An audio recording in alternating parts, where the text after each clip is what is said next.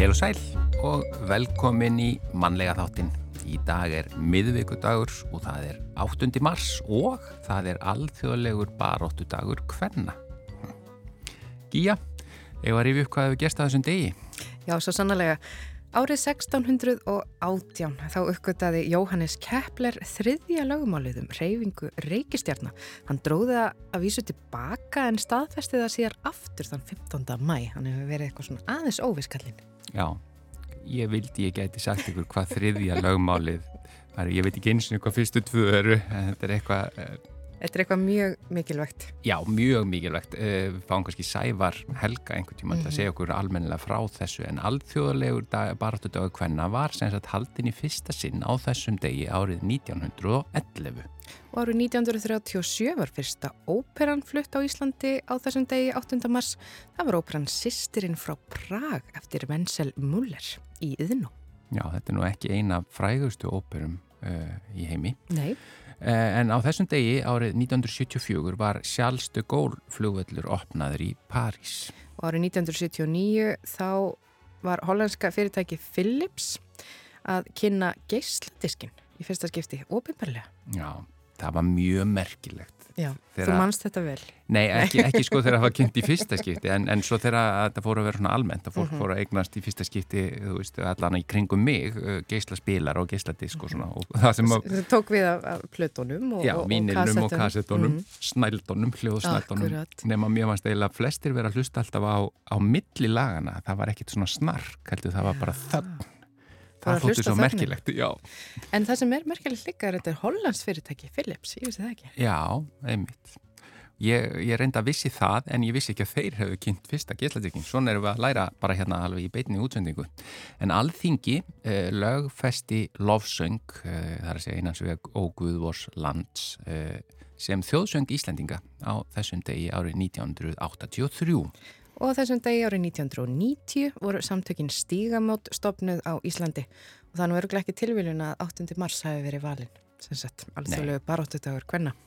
En yfir í efni þáttarins í dag, samtökinn Spes Barnahjálp í Tókó held upp á 20 ára ammali síðastliðin sunnundag og Njörður Pér Njarvík, professor emeritus, stopnaði samtökinn á samt Claude Voyot frá Fraklandi og heimafólki í Tókó. En Spes International rekur tvö þorp í Tókó fyrir vegalauðsbörn þar sem þau ganga í leikskóla og almennaskóla og lagt er fyrir í mentunarsjóð eða framtíðarsjóð fyrir börnin. Og Anna Svafa Knúdsdóttir, leikona, hún er þekkir vel til samtakana og er eina af þeim sem hefur verið að styrkja þar í langan tíma og kom meðal annars fram á sunnudaginn á Amalísáttíðinu og ætlar að vera hjá okkur hér eftir nokkra mínútur og segja okkur frá samtökunum og starfið þeirra en hún uh, ætla líka að segja okkur frá dvölsinni í Tókó í Þorpi sem að spes rekur. Og við ætlum líka að fjalla um þennan dag í dag sem er alþjóðlegu barátötuga kvenna 8. mars. Við ætlum að rifja upp sögu dagsins í þættinum og taka líka stöðuna á réttundabaráttu kvenna eins og hún byrtist okkur í dag. Og til þess að spjalla um þetta viðfema og mikilvæga málefni þá fáum við til okkar Ragnhiði Kristjánsdóttur, professor í sagfræði en hún hefur rannsakað hvenna og kynja söguna og hún var til dæmis einn þeirra sem skrifiði bókina Konur kjósa, aldarsaga sem kom út núna fyrir tveim, nei, þreymur árum, 2020. Já. Svo fáum við til okkar Örnu Pálsdóttur sem er móður, móðir bars með ádröskun. Hún byrti á mánudaginn pistil á vísi.is sem að heitir Leifi mér að kynna ykkur fyrir óvinni mínum og er ákallum hugarfarsbreytingu til geðraskanna og ákallum heilbriðiskerfi sem veitir barninu hennar nöðsynlega þjónustu. Hún ætlar að koma til okkar og segja okkur nánar frá reynslu sinni og fjölskyldunar eh, hér á eftir. Já, en við byrjum á lægi og það er... Eh, lag með hljómsveit sem heitir hljómsveitin Eva og lagið heitir Ég er kona. Mjög viðegandi á þessum degi. Já, á alþjóðlegum e, bartu degi hvenna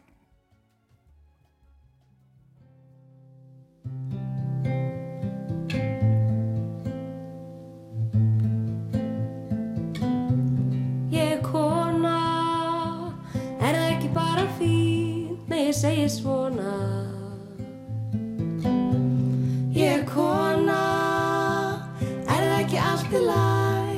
ég segi svona.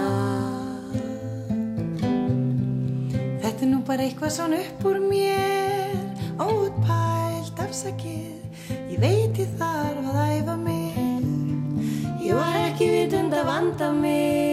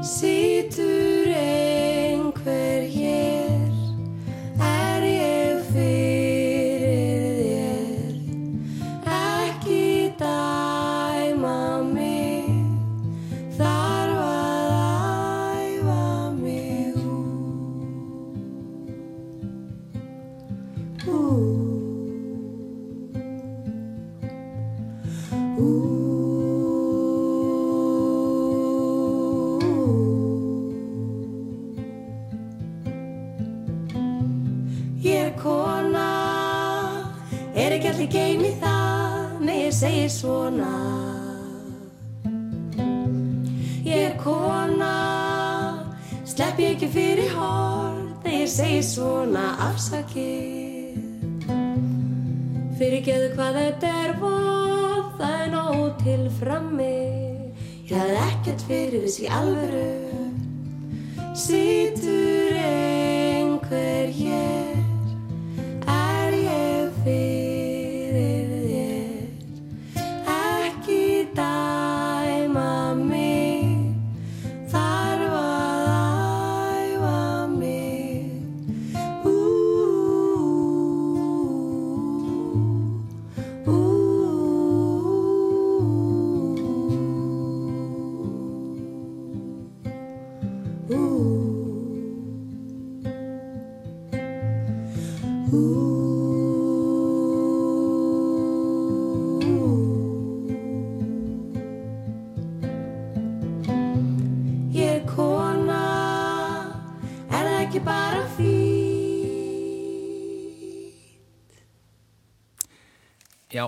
hljómsveitin Eva eh, sem að eru er Jóhanna Vala Höskulsdóttir og Sigriður Eir Sófóniasardóttir og er líka sömdu þetta lag Ég er kona.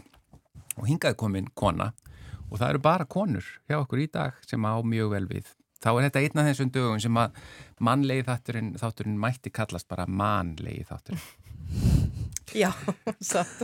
Já, en þetta er hérna Anna Svafa eh, Knúðsdóttir, hún er hingað komin. Velkomin í mannlega þáttin, mannlega þáttin Takk fyrir að lefa mér að koma og tala um þetta sem ég ætla að tala um. Já, við ætlum nefnilega, nú ætlum ég að segja hvað það er sko, það er nefnilega það að spes eh, samtökin eh, sem að eh, barnahjálp í Tókó, Mm þú tengist þessum samtökum sem auðvitað 20 ára eða var haldið upp á 20 ára ammalið á sundaginn ekki sett. Jú, með afrikanski súpu og hátíð. Já, Þannig að það var leðaldi gæti ekki komið áður og sagt öllum að koma hátíðina. já. En það verður önnu hátíð, pottit. Já. Já, þetta er semst félagsamtök sem verður stopnuð fyrir 20 árum já, af Nýrði P. Njarðvík, Rittvöndi og Berið Þórusdóttir já, sem margir þekkja sem frönsku kennar á MS, hún kendi mér frönsku, geggjaði kennari. Og frönskum hjónum, klót og ég, veistu hvað ég, já, og allt sem ég segi, það er Já. örglega ekki alveg rétt, Mm. En svona í áttina. í svona í áttina, ég er ekkert sérlega góð í svona staðrindum, já. en, þetta verður, ég skal segja þetta bara samt. En, en ég sko, sko get bara sagt hérna þau einmitt sömd, eða það er að segja stopnuð þetta ásamt heimafólki í Tókó fyrir þarna um það byrj 20 árum mhm. Og um hvað snýst þessi starfsemi? já, segðu mig það. Nei, þú Nei, ætla að segja það núna. Ég, ég var bara að taka undir með þér að þetta væri rétt hjá þér. Já, þetta er, þetta er ótrúlega flott. Ég hef, var þarna með ásamt vinkonum minni Ástu Brím fyrir svona 11 árum eða 12 og við vorum í þrjá mánuði. Þetta er semst alveg bara svona batnaþorp. Þetta er alveg, það komast hund, geta hundra börn búið þarna, Mm cirka. Og þetta er svona flotta byggingar og svona. Þess að spes tekur að sér börn sem umkomulaus börn sem þau eiga kannski sum tilfellum foreldra eða ekki eða bara eina ömmu eða allavega enginn getur hugsað um þau. Og spesast þetta er ekki muna að leysa ekki heimilega, sem það kemur einhver og getur ætlið bönnin aftur. Þau bara spes ætlið þau eða gerist mm. forráða menn þeirra og þau bara eiga heimilið þarna, alltaf. Og ganga í skóla og allt. almenningsskóla sem er bara við liðan á Já, og svo er annað þorp í annar bær sem heitir Palme frá ofan frá Lómi, það er svona unglinga þar færðu unglinganámið já þetta eru tvö, tvö þorp eða hvað. Já. Sem að, og Þe- Þetta Spes International sem að rekur þetta, Mhm. það eru þetta sem að þeir stopnuðu, uh, hann, uh, hann njörður, Njörðu klót og einhver einn annar já, Mhm. uh, uh, en Íslands deildin, Uh, það er að segja að því það er það frönsk deild til já og svo hún er pingu Íslands- lítil í einmitt, það var það sem ég ætlaði að segja, að Já, íslenska já. deildin er stærri. Já, ég, það eru 70 fjölskyldu, eða sko, eru Íslandingar sem Mhm. sjá um f- 70 börn Já, já, já. og svo er einhverju, fra, einhverju franskir sem sjá um 30 Mhm. cirka. Já. Sem að styðja þá Já. svona, er þetta nánast eins og heimsforeldri eða hvernig, hvernig virkar þetta? Já, nema, já, þú, ég veit ekki alveg hvernig heimsfólk Nei, Já, nema munurinn er sko heimsforeldri þá, þá er að leggja fram uh, vissa uppað á mánuði sem er breytileg nema það fyrir inn í starf UNICEF Mm. hér og þar um heiminn. En, en þið ekki sagt Anna, þú ert að styrkja eins og bara, Ægiðu, já, sem að er bara þá ein stúlka Já. sem að er bara í rauninni, þú talar um hana eins og bara ég dóttuðina. meina hún er bara, ég held að tala við hann á Facebook og svo nú er bara allir á Facebook líka, það er geggjað, hún er alltaf orðin svo gömul sko. Já, Hvað er hún gömul? Hún er orðin tvítug og þarna, þú, þú veist, í raun og veru þar máttu hætta, að máttu, eða þú veist, þú getur hætta að styrkja barni þegar 18 ára, en þú veist, út af því að starfi er náttúrulega 20 ára, þannig að nú eru fyrstu börnin að verða svona stór, veist, þegar þau stopnuðu þetta, þá voru, rauninni. já, þá voru þau bara, já, við höfum bara svona svo styrkju til 18, en núna náttúrulega eru þau að sjá það að það er ekkit alveg hægt, að þú getur ekki bara, já, já, klift á, sko, þannig að það er alveg ennþá krakkar sem búa þóttu séu 21 árs inn á heimilinu. Æja var til dæmis komið til Senegal í, hérna, fekk styrk til að fara í bíanám í, hérna, eitthvað, Tölvufræði? Já, tölvuverkfræði. Já, Tölvuverkfræði, Já. já. en langar rosa að fara í masterinn en fær ekki styrk fyrir því. En vi, ég og vinkur mín og erum svona ennþá að borga fyrir hana, þú veist, þannig að hún getur haldið áfram. Svo verðum við bara að sapna fyrir þessu mastersnámi. Þú veist, ég ætla ekki að hætta að styrkja hana fyrir en hún bara kemur undir sér fótunum, er komið vinnu og svona, Hvað var hún gömul þegar þú byrjaði að fylgja henni eftir? áttara. Átta ára. Já, þannig að þú ert já, í rauninni bara meiri hluta æfi hennar, ert þú búin að vera að fylgja henni? já. Og, og e, þegar þú fóst út, hvern, hvernig Mhm. var þessi reynsla að fara og vera í þorpinu og, og ég meina hvað voruð þið að gera? þar? Já, sko við vissum eiginlega ekkert hvað við ættum að gera og það hafði eiginlega enginn komið svona áður þú veist, svona bara, ég ætla, ég ætlaði bara að vera sjálfbúðaliði, en við fundum það fljótlega að þá langaði mig að gefa þeim einstaklingsattigli Já, og því að þeir eru svolítið, þau búa sko, þau eru fimm saman í herbergi og það er Já. ein mamma svona með þeim og, og svo fara þau, þau eru, alltaf hópur, svo mikið af börnum, þú veist, Mhm. og hérna þannig ég hugsaði bara, ok, gefum þeim bara einstaklingsattegli og ég, ég held við höfum náð að fara í gegnum kannski einu og hálfu sinni yfir alla Mhm. skilja þessum, Já, þau, gáðu bara hverju og einu batni einhvern tíma. já, Bara bara, svona- bara nú til að bara að taka og, og já, við bara, nú ætlum við bara í göngutúr við bara förum hérna, löpum hérna nýra á strönd og finnum einhverja, einhvern, einhvern svona marka og kaupum sleikjó og hlustum okkur hann langar að vera þannig stór og förum að sér fóp bara þess manniskan, þess sem krakkin vildi. Já, svo næsti var ég kannski bara eitthvað, þú veist, leikið dúk og bara við tvær bak við einhvern kofa. Mm. bara, þú veist, bara já, bara vera já, bara það var markmið mitt, að vera bara ein svo voru náttúrulega líka bara að hjálpa til að Mhm. þúa passa bönnin og svona En þú segir þetta skiptist upp í svona hópa, fimm Mhm. börn og svo er einhver eitt sem fer yfir, einhver svona, þú kallaðir hana mömmu hópsins. já. Segð okkur nána svona aðeins hvernig Þa, þetta... það, eru allt, það eru allt heima, heima menn sem vinna á heimilinu og þau eru einu sem fá borgu laun Mm. og þau eru að vinna viku og svo í frí í viku þannig að hver, fimm börn eiga eina mömmu eða eiga tvær mömmur sem er vika og vika þetta er bara eins og verið skilnaða börn já, já. og þe- þessar konur eru æðislegar Já. og þær bara eiga kannski aðra fjölskyldu líka og annur börn heima hjá sér þú veist, og eru þá bara viku heim og svo viku þú veist, og sumar eiga ekki börn og bara alls konar, þú veist já, og það, þau, þetta er bara það er bara að hugsa mjög vel um þau og þú veist, ég er ekki að segja að allir sé í háskólanámi sko, af krökkunum sem eru stór Já. sum bara ganga bara illa í skóla og eru með ADHD og alls konar þú veist, Já, já, eins og- bara eins og og börn allstað. Já. Já, En en þau það- fá allana utanumhald og Já. fá heimili og örugt heimili. Já. Og tækifæri. Og og fá tækifæri. alveg upp líka í sínu heimalandi bara með sínu, þú veist Já, þarna, já, það er ekki, þau er ekki tekin út úr aðstæðanum. nei að því nú hefur þú fylst með þinni, Mhm. alveg frá því hún var áttara, þá hefur, hefur væntalega verið gefandi að sjá bara... eh, Já, hún alltaf var, ég viss alltaf hún myndi fara í háskólanám og brillur hún var alltaf hæðst á einhvernum, ég fæ alltaf einhvernar sko, Já, já, hún já, alltaf hæðst í sínum bekk. Já. þannig að hún er alltaf einstök hún ægjafa og hún er svo falleg, Jésús Já. Og þú hittir hana mæntalega þegar þú fóst. Já, já, Já. og svo er allir að fara aftur með krakkar mína þarna þegar þeir eru aðeins eldri og mér langar að fá einhvern hóp með mér þannig að ég auðlýsi hér, mér langar, mér langar rosa að búti svona battavöll, Battavel. æ, svona fótboltavöll Já, þú veist, inn á heimilinu með svona þannig að boltin fari ekki út af já, já, með svona það litlum bara. veggjum. Mm. Já. Já, og, og gerur græs og svona, þannig ef að mér kannski einhverju og Já. Ég menn, hvað voru þið lengi, segir? Voru þið þrjá mánuði Já. þegar þið fóru síðast? Já, nú er ég bara, við þurfum kannski bara að fara í tvær vikur eða eitthvað, Já, þrjár Já. Áhugavert, en annars var Magnúsdóttir, uh, leikona. En já, byttu, maður sé eitt að lokum Já. Nú, og núna fólkið, eins og til dæmis á 20 ára hátíðun og svona, ég ætla ekki að vera leiðileg, en þau eru að eldast Mm. já, ert að meina fólki sem er að vinna? Já, sem er Sem bara er að styrkja, styrkja. og Já. svona, og, og njörður og bera og svona, þau eru bara, það er allir eldast Já, ég ætlaði einmitt að minna á þetta, sko. Já, mér vantar yngra fólk inn í spes Já, þá bendu við bara fólki á það að spes.is Já, eða bara ringi mig. Já, eða ringi Knúðsdóttur uh, spes.is þar er þetta að fá upplýsingur um það hvernig þið getið uh, farið í þetta að styrkja krakka í Tókó og þetta er greinilega mjög mikilvægt bara þetta breytir lífið þeirra algjörlega og hefur greinilega breytt þínu lífi. Ég meina þú ljómar öll hérna þegar þú ert að tala. Ég skal bara sína ykkur mynda hann eftir að sjá hvað hún sætt Takk einnilega fyrir það Anna Sögu Knúðsdóttir Æ.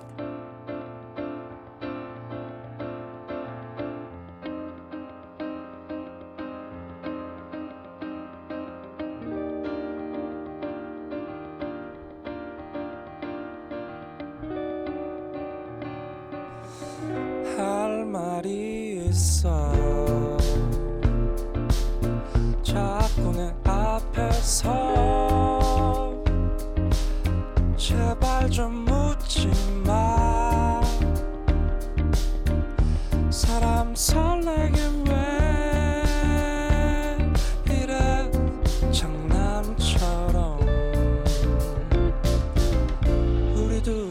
I could.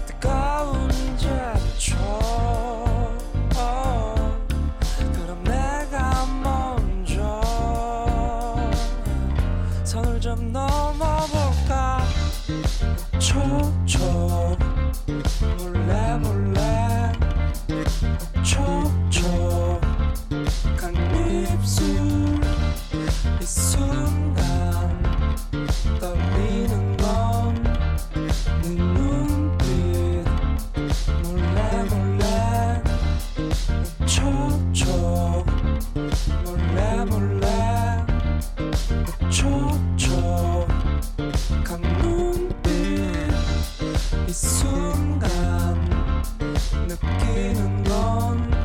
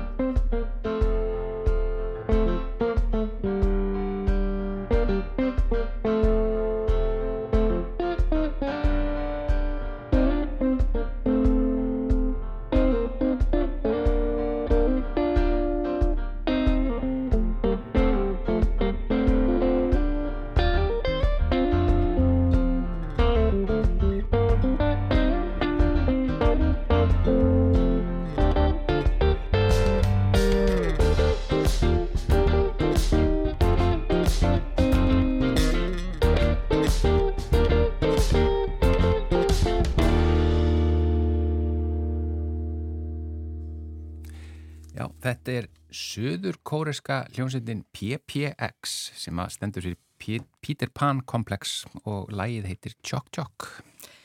En nú er komið að eh, umfjöllunum þennan dag sem er í dag alþjóðlegu baráttudagur Kvenna og hingað í hljóðveruð okkar er sest Ragnhildur Kristjánsdóttir, professor í Sagfræði, verður velkomin. Takk fyrir. Þessi dagur, alþjóðlegu baráttudagur Kvenna, hver er svona sagan á bakvið þennan dag? Hann á uppruna sinn í sósialískri kvennarhefingu og upphafið má reykja svona til aldamótana 1900 bæði til eh, aktivisma meðal sósialískra kvenna í bandaríkjunum og svo líka í eh, Rúslandi. Þannig að það, það er svona upprunin. Já, en er í rauninni hérna, þrátt fyrir að vera með þessa sósialísku tengingu bara auðvitað baráttudagur Kvenna. Já, en það er svona samt ekki fyrir ná fyrir tilturlega nýlega, allavega frá mínum bæjaturum séð sem að það gerist. Það er ekki fyrir svona 7. og 7. 7. og 8. áratögnum sem þetta fyrir að vera svona alþjóðlegur mm -hmm. baráttudagur. Já. En, en þetta er mjög tengt uh, vinstri hreyfingun alveg fram til þess. Já. Hérna. En hver var svona ástæðan fyrir því að þetta, að konur svona byrja að hópa saman á einhverjum ákveðnum degi og, og, og fyrir hverju veru þær að berjast? Já, það sko, það talaði um að þetta hefur fyrst verið haldið upp á þennan dag, eða þessi baráttudagur hefur fyrst verið haldin í New York 1909, það sé svona einhvers konar upphagspunktur, en síðan var alþjóðlegt þing sósíliskvar kvenna í Kaupmannhöfn 1910 og þar var uh, lögð fram til á samtíkt um að halda alþjóðlegan baráttudag kvenna svona í, á þessum tímapunktu árunni cirka mars, uh, februar-mars það var ekki alveg fast slegin þessi 8. mars til að byrja með og það er sem sagt strax árið 1911 þá byrja konur í, í nokkrum löndum Östuríki minni mig Þískalandi uh, Danmörku að hafa sem sagt halda upp á þennan dag og halda fram gröfu gerð sinni og það snýst þá þetta um formleg réttindi og líka félagsleg réttindi, réttindi á vinnumarkað og svo framvegis. Uh -huh. Og síðan gerist það í, í Rúslandi 1917 að það er í, hérna, í Petrograd sem heit svo á rúsnesku í Petersborg að það er eh, sósíalskar konur þar eða konur, reyndar verkakonur þar sem er í vefnaðurina það er, eh, eru með öflug mótmæli á degi sem að er held ég hvað 23. februar hjá þeim en 8. mars samkvæmt okkar tímatala og þar gera þarna uppreist 1917 eða, eða já svona litla uppreist í Pétursborg sem að svona er hluti af aðdraðandarum að því að, að það verður bilding í Rúslandi. Já, já, já, þannig að hvernarhefingi svona tengist bildingunni þar sterkum böndum. Já og, og það er bara strax við stopnum Sovjetríkjana 1900 mm og ja, sagt, eftir byltingun 1917 og þegar Sovjetringin verða til í upphafi þriði áratöðurins þá er 8. mars gerður að uh, svona baráttegi hvenna og, og frítagur. Já, svo þróast þessi dagur og baráttumálin verða uh, fjölbreyttari. Hvernig svona, hvernig barst þessi dagur til dæmis til Íslands? Það er myndið gegnum kommunistarhefinguna sem að verður hérna til á, á Íslandi á þriði áratögnum sem að er farið að Að, að, að halda þessum degja loft íslenskar konur kynnast e, 8. massi gegnum alþjóðlega kommunistarhefingu mm. og það verið til kommunistarhefing hér e, á þriði áratögnum og strax bara held í 1929 þá sér maður að það verið að tala um þennan dag í e, blöðum sem eru tengt kommunistarhefingin á Íslandi ég fann til dæmis þegar ég var að kíkja aðeins á tímaritt.is fyrir viðtalið á þann 11. mæ þá er grein eftir eh, baráttukonuna Klöru Setkin sem var sagt, tískur kommunisti og er svona upphaf dagsins er kent, eh, er kent við hana, það er grein eftir hana þitt grein í verkamannunum sem kemur út á Akureyri í 11. mæ 1929 þar sem við verðum að fjallum þennan dag og síðan uh, nokkru setna þá má lesa grein eftir Krúpskæju sem var ekki að Lenins, það er þýtt í þessum litteratúr vinstrisreifingarinn á Íslandi og, og var ekki nættikla á þessu og síðan er smán saman farið að halda upp á daginn hérna á Íslandi en þá er það alltaf tengt þessari róttöku vinstri reifingu Já. Hefur það einhvern veginn hamlað þessum degi að vera svona tengt ákveðinum armi stjórnmálana? Um, Kanski svona fyrst, frekar heldur en setna?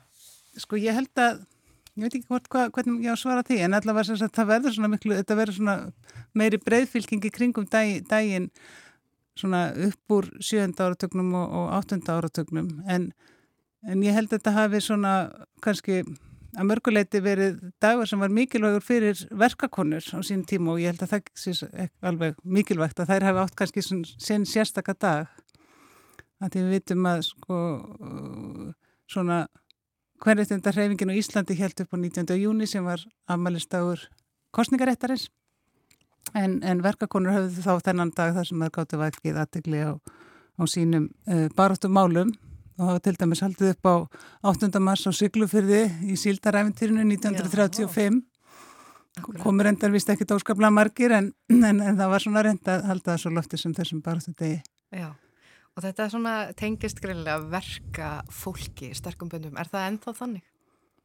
Sko, e, ég held að það er sko, það sem gerir síðan ef við svona förum yfir sögun á Íslandi er að, að, að e, það er sagt, þessi kommunistarhefing og svo síðan sósélstarhefingin og síðan er það menningar og friðar samtök íslenskara kvenna, MFIK sem eru uh, samtök uh, sem eru liður í alþjóðlegri reyfingu sem er svona tengt sósélískri reyfingu, tengt svona í austur átt, í austur-Evrópu.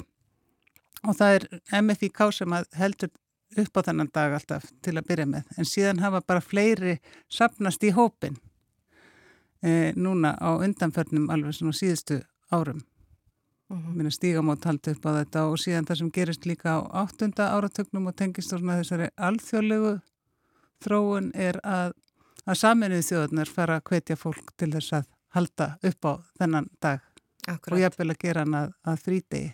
Og það er einmitt búið að vera kvennaþing saminuði þjóðuna núna í New York og hann saði nú hérna, aðalfrangatastjórin þar, Antonio Guterres, að það væru um, minnst, sko, ennþá minnst 300 ár þar til fullu jafnbretti kynjana verður náð. Við að við núverandi framgang. Við að við núverandi framgang. Já. Ok, og þó að það hefur orðið hröðun og undanförnum árum, þá er þetta áallurinn. Það hljóma nú ekki mjög verð, sko.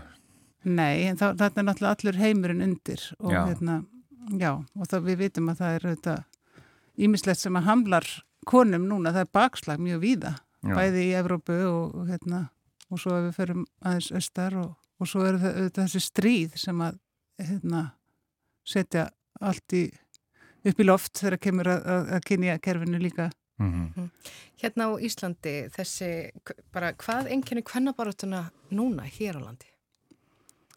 Eh, það sem hefur verið svona uh, aukin áhersla á auðvitað undanfarið og svona um, það er kannski tvent sem hefur verið að gera svona frá 2010 og áfram og það er í fyrsta legi bara því að við vorum að tala um verkakonurnar, það mm. er svona aukin feminísk áhersla í verkalisæfingunni að það er hérna sem við sjáum náttúrulega bara í þessum aðgerðum hjá eblingu og við sjáum það líka í þeim breytingum sem urða á verkalisæfingunni þegar þar tóku við tvær Öflugar konur, eh, nú mann ég ekki alveg nákvæmlega árið, það er ekkert mjög langt síðan 2016 kannski sem að drífa Snædal verður fósetti ASI uh -huh. og Solveig Anna verður eh, formaður eblingar og, og með þeim tveimur kemur inn svona aukin feminísk áhersla í verkefælsefingunni og svo getum við líka nefnt í, í ofnbæra geirunum, hérna hún Sonja Þorbergsdóttir er svona öflugur talsmaður þess að, að hugsa um stöðu hvern og vinnumarkaði þannig að það er svona þessi endur nýjen á þessu klassiska baróttumáli, það er svona eitt. Hitt er áherslan á kynbundið ofbeldi sem að hérna, við auðvitað, enginn hefur ekki orðið varfið, getur við sagt að það, það er auðvitað mikil áhersla á það. Það vorum að tala um þessar bylgjur eins og samfélagsmiðlum, við erum að tala um MeToo og fríða nippul, brjóstabildinguna og all, alla þessar til dæmis. Já, og druslugöngun og mm. svona, og þetta er auðvitað allt svona sem er á sér alþjóðlega fyrirmyndir, er, er tekið mjög stert hérna inn í barátunni hérna heima, en, en það er svona þessi, það er spenna í kerfinu eins og er, við getum alveg fullir, þó að staða hvernig á Íslandi sé góð, þá er ákveðin spenna hérna sem að snýst svolítið í kringum svona þessi kynferðislegu samskipti milli kynjana já. og það er svona bara, já umræða sem er, er, er að mörguleiti mjög erfið en, en, en þörf og vonandi skilur okkur eitthvað áfram. Og svo þetta með hvernig getur hrokkið tilbaka eins og í bandaríkjónum, þetta með þungunarofið og annað, einhver réttindi sem eru, maður lítur á að séu komin, að þá getur, þú veist, það er ekkert sem að í rauninni tryggir eitt eða neitt Nei, það er einmitt, ég hefði auðvitað átt að nefna bandaríkja náðan þegar ég var að tala um bakslag. Það er auðvitað mikið bakslag þar með, með þessu hvernig, hvernig þungunarofið er gert að svona einhverju miðlegu atriði í stjórnmálunum. Það er svona, Mhm. og raun og verið alveg merkilegt hvernig, hvernig það tókst að gera þetta svona óskaplega polariserandi uh, atriði í stjórnmálunum, þungunarof, sem Já. að var, virtist vera svona, svo mikil sáttum. Og að þá eiginlega líka með konuna verður þá bara pólitísku vopni í Já, rauninni. já, já. Þú myndist á þann á stríðið og þær afleggingar sem að stríð getur haft og, og það eru mikil á líf kvenna og barna og fjölskyldna um, og þú ætlar að tala á málþingi sem er í kvöld og þar verður til dæmis talað um kvennarhefingar og sögu þeirra hér á Íslandi, þú mynd fjallum það en líka í Úkræn og svo í Kosovo. Já, þetta er málþing sem er á vegum Úkrænuverkefnis Háskóla Íslands og í samstarfi við RIK sem er ansóknarstofnun í jafnbrettisfræðum og líka við Vigdísarstofnun. Þetta er haldið í Veröld húsi Vigdísar í stóra salnum, auðarsalnum, byrja klukkan 6 og er til 8 og þar eru nokkur erindi. E, þar, ég ætla að segja nokkur orðum um sögu Kvennaborð og Íslandi sem er nú hérna svona kannski ekki mjög dramatísk í stóra samhenginu en, en ég ætla svona þess að tala um það. Og síðan e, flytið þarna erindi líka Írína Hordjenko sem er sjónvarsframleðandi frá, frá Kænugarði og Linda Gúsía sem er lektor e, við háskólinni Pristína og er gestur hérna á Íslandi. Og síðan er, er tónlist og, og pallbors umræður Já. og við bara, þarna eru allir bóðinir velkomnin eða öll bóðin velkomin. Gleðisilegt. Já, takk fyrir komuna í mannlega þáttinn og að fjalla um sögu þessa dags, baróttadags, alþjóðlegs baróttadags kvenna. Takk fyrir Ragnhildur Kristjándóttir, prófessor í Sackfræði og gangiði vel í kvöld. Takk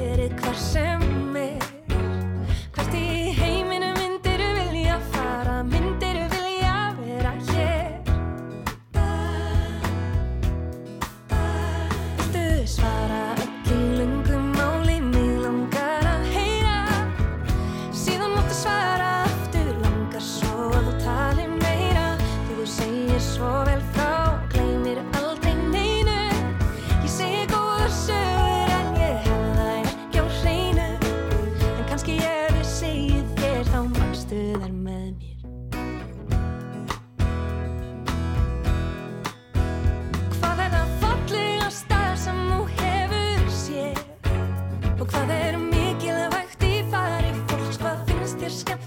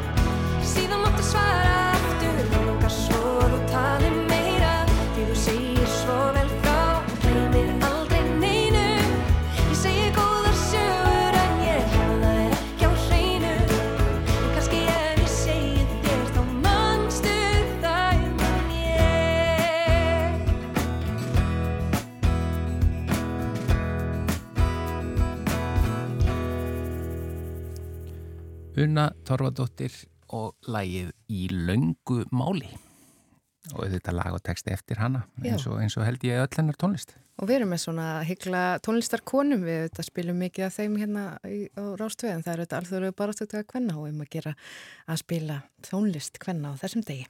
Já, En nú að, öðru, við erum komið með hingað uh, í hljóðstöfu hana Örnu Pálsdóttur. Hún er móði bars með ádröskun og hún byrti á mánudaginn pistil á vísi sem að heitir Leifið mér að kynna ykkur fyrir óvinni mínum. Ákall um hugafarsbreytingu til geðraskana og ákall um að heilbriðiskerfi, eða ákall um heilbriðiskerfi sem veiti barninu en að nöðsynlega þjónustu. Vertu hjartanlega velkomin í mannlega þáttin Arna. Takk fyrir það. Svona fyrst bara að þessum pistli, hvað var til þess að þú ákast að setjast niður og skrifa pistil og byrta? Já, það eru kannski nokkrar ástæðar fyrir því. Uh, ég held að uh, svona þegar kemur að geruskurum þá þær gerast svona oft hægt og rólega og ágerast og maður verður svolítið svona samdöina og maður finnur kannski ekki alveg hversu mikla streitu það veldur fyrir hann oft í svona ákveðnum skrefum. Og kannski í mínu tilviki núna þá uppliði ég kannski svona ákveðin punkt þar sem ég þyrti uh, að upplýsa og tjá mig um hennar veikindi vegna þess að við höfum ítrekkað upplifað svona úræðleysi og það er einhvern veginn alveg nóg að vera eiga við sjúkdóminn, það er nóg að eiga einn óvinn í, þessu, í þessari baratu og þegar maður fer að upplifa einhvern veginn alls konar tilfinningar eins og reyði og þess áttar í garð umhverfisins líka að þá svona það er svona svolítið þú veist uh, kerfið hjá manni sjálfum það svolítið gefur sig. Mm. og, og maður kannski bara pínlítið þarf að kalla hjálp. Já. Og þessi pistil, þetta er ákall hjá þér mm og þú orðar það þannig að þú segir að fyrir um það byl átján mánuðum þá uppgötuði þið að, að dóttir ykkar væri með þennan sjúkdóm, ádröskun en veikindin hafði þó byrjað mun fyrr á þess að nokkuð kannski gerði sig grein fyrir því -hmm. Hvað ferli fer svo á stað þegar þið loksins uppgötið að þarna er um ádröskun að ræða? Já uh, Það er sko fyrst þarf maður einhvern veginn að átta sig á því að þetta sé, séu veikindi. Við, ég reynlega, ég hafði ekki hugmynd Mm.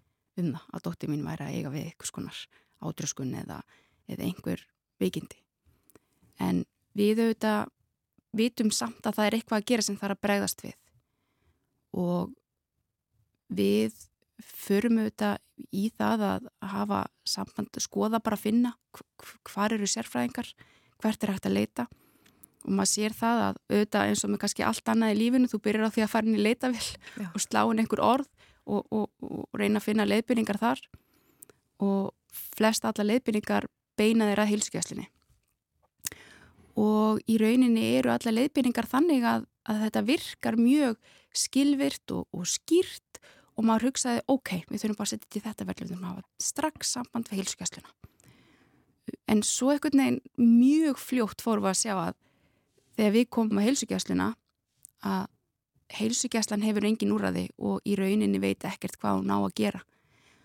Og það er ekki, og eins og ég tek fram í pislunum mínum, þetta snýst ekki um ásakanir, það er ekki leknar þar sem vil ekki gera vel en kerfið er bara þannig heilsugjastli leknir frá 15 mínútur til að silja hverjum sjúkling Mm. og það er ekki nægulegu tími eða, eða til, a, til að greina uh, geðraskanir, hvort sem það er áturskunni eða eitthvað annað en þá hefði maður kannski haldið að það er því þá strax sett uh, beðin í einhvern annan farveg. En svo er í rauninni ekki.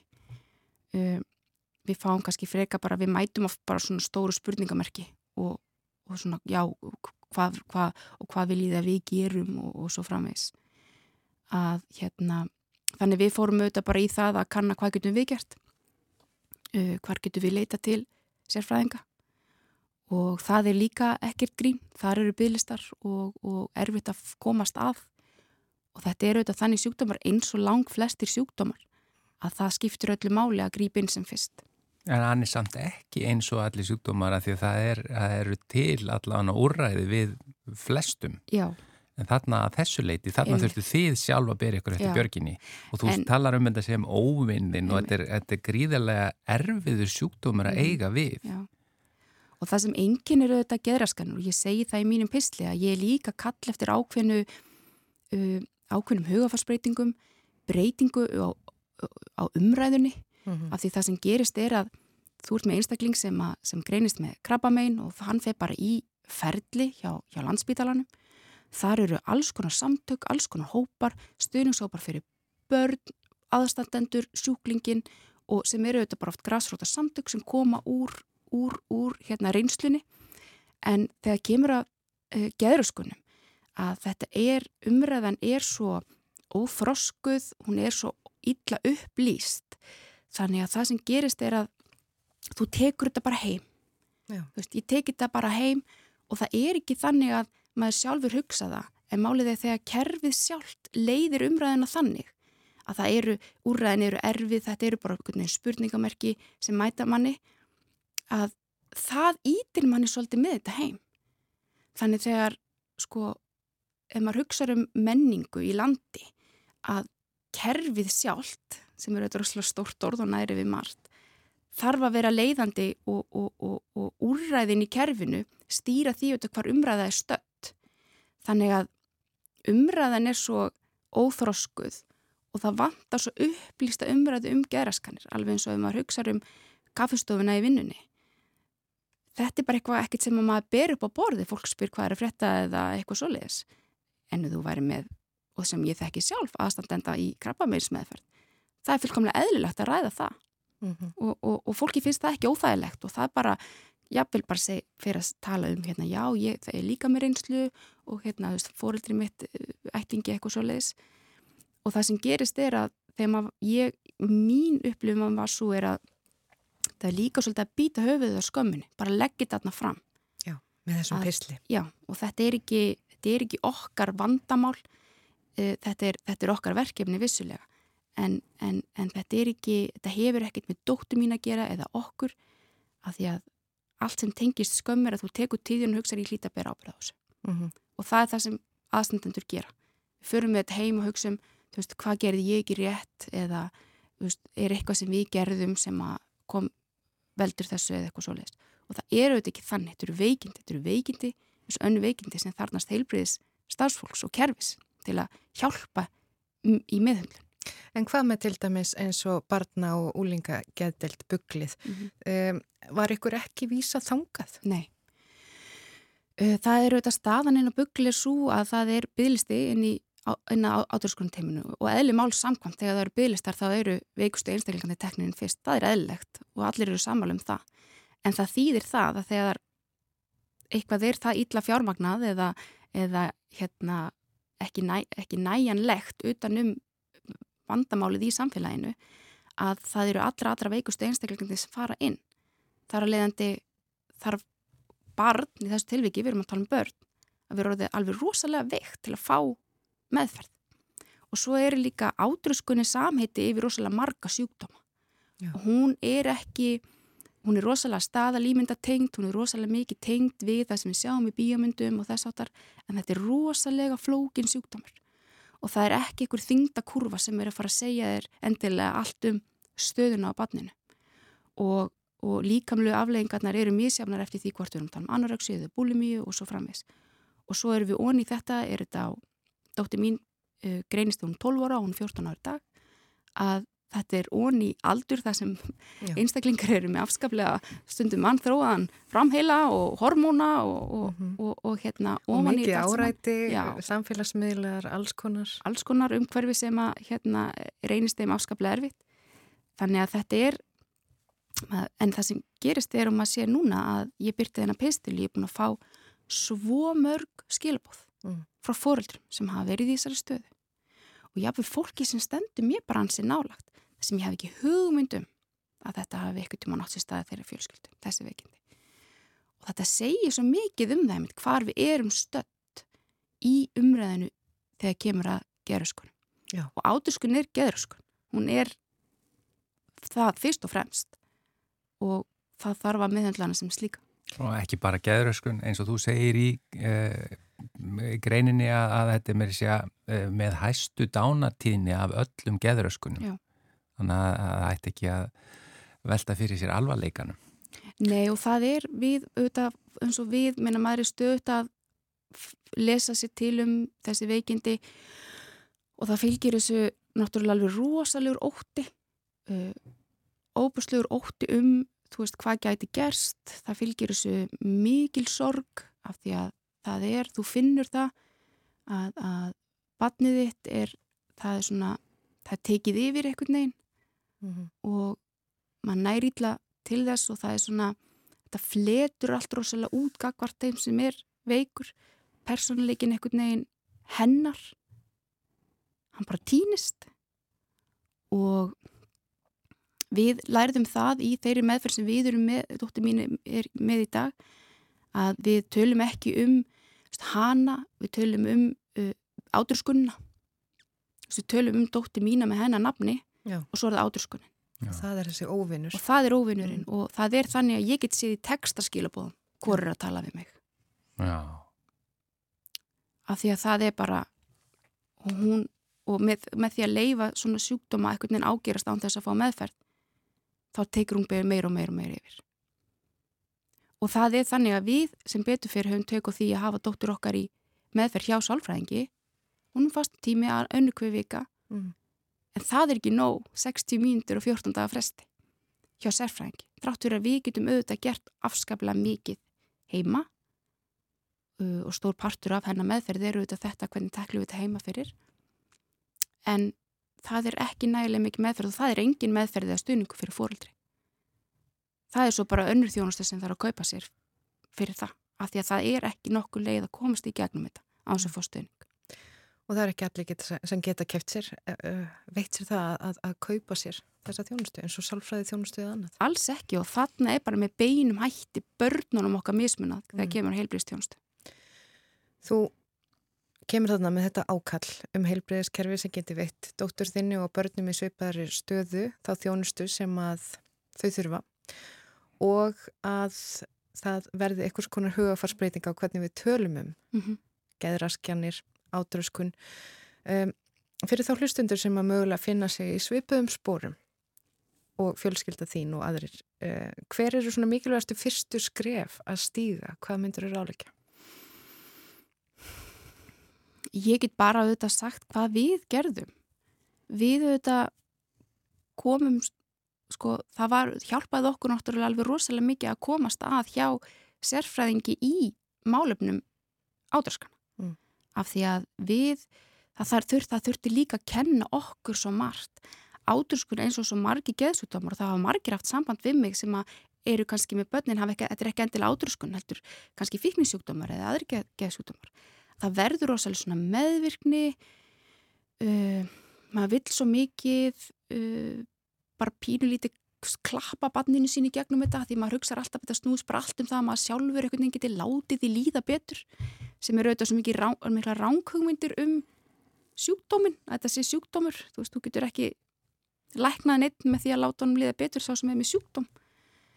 Uh, þannig að það þurft að kenna okkur rosalega margt og kenna okkur líka bara ákveðna orðræði um sjúkdómin hversu skýrt það er að hafa mörg en það er erfitt, það er afskaplega erfitt og það er í rauninu sem ég hugsa oft það er jafn mikilvægt af því að foreldrar gegnum svo mikil líkil stöðu í batafertinu að það er svo jafn mikilvægt að börn komist ásand foreldrar sínum í stöðning og það fylgir oft, veist, þegar þú komin með barnin á bugl, þar fylgir mm.